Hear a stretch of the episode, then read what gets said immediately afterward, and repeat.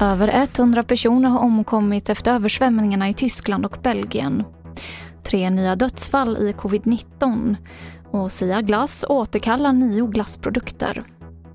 TV4-nyheterna börjar med att över 100 personer bekräftas ha omkommit efter översvämningarna i Tyskland och Belgien och över 1000 personer saknas. Och I södra Nederländerna, i staden Mersens, uppmanas alla boende att lämna sina hem efter att en skyddsvall har brustit sedan staden svämmats över. Det här rapporterar Reuters. Och mer om detta på tv4.se.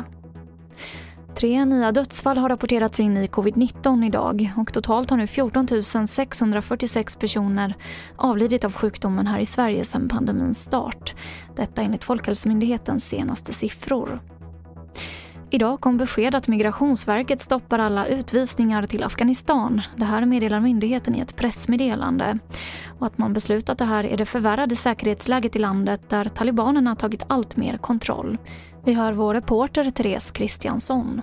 Ja, det här eh, eh, ska då beröra 7000 eh, personer som befinner sig i Sverige, vilket är en ganska stor grupp som då har väntat på att de ska eh, tvångsutvisas. Nu har det då varit ett, ett, stopp på grund av pandemin, så det är bara de som frivilligt har valt att lämna och, och gått med på att ta de här PCR-proven som har kunnat lämna den senaste tiden.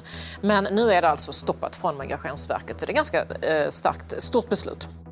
Och vi avslutar med att Sia Glass återkallar nio glassprodukter. Detta sedan leverantören hittat kemikalien etylenoxid i stabiliseringsmedel som används vid tillverkningen.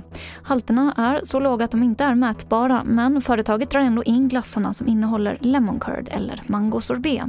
Och konsumenter uppmanas att kontakta butiken där produkterna köpts. Och det här var det senaste från TV4 Nyheterna. Jag heter Emily Olsson.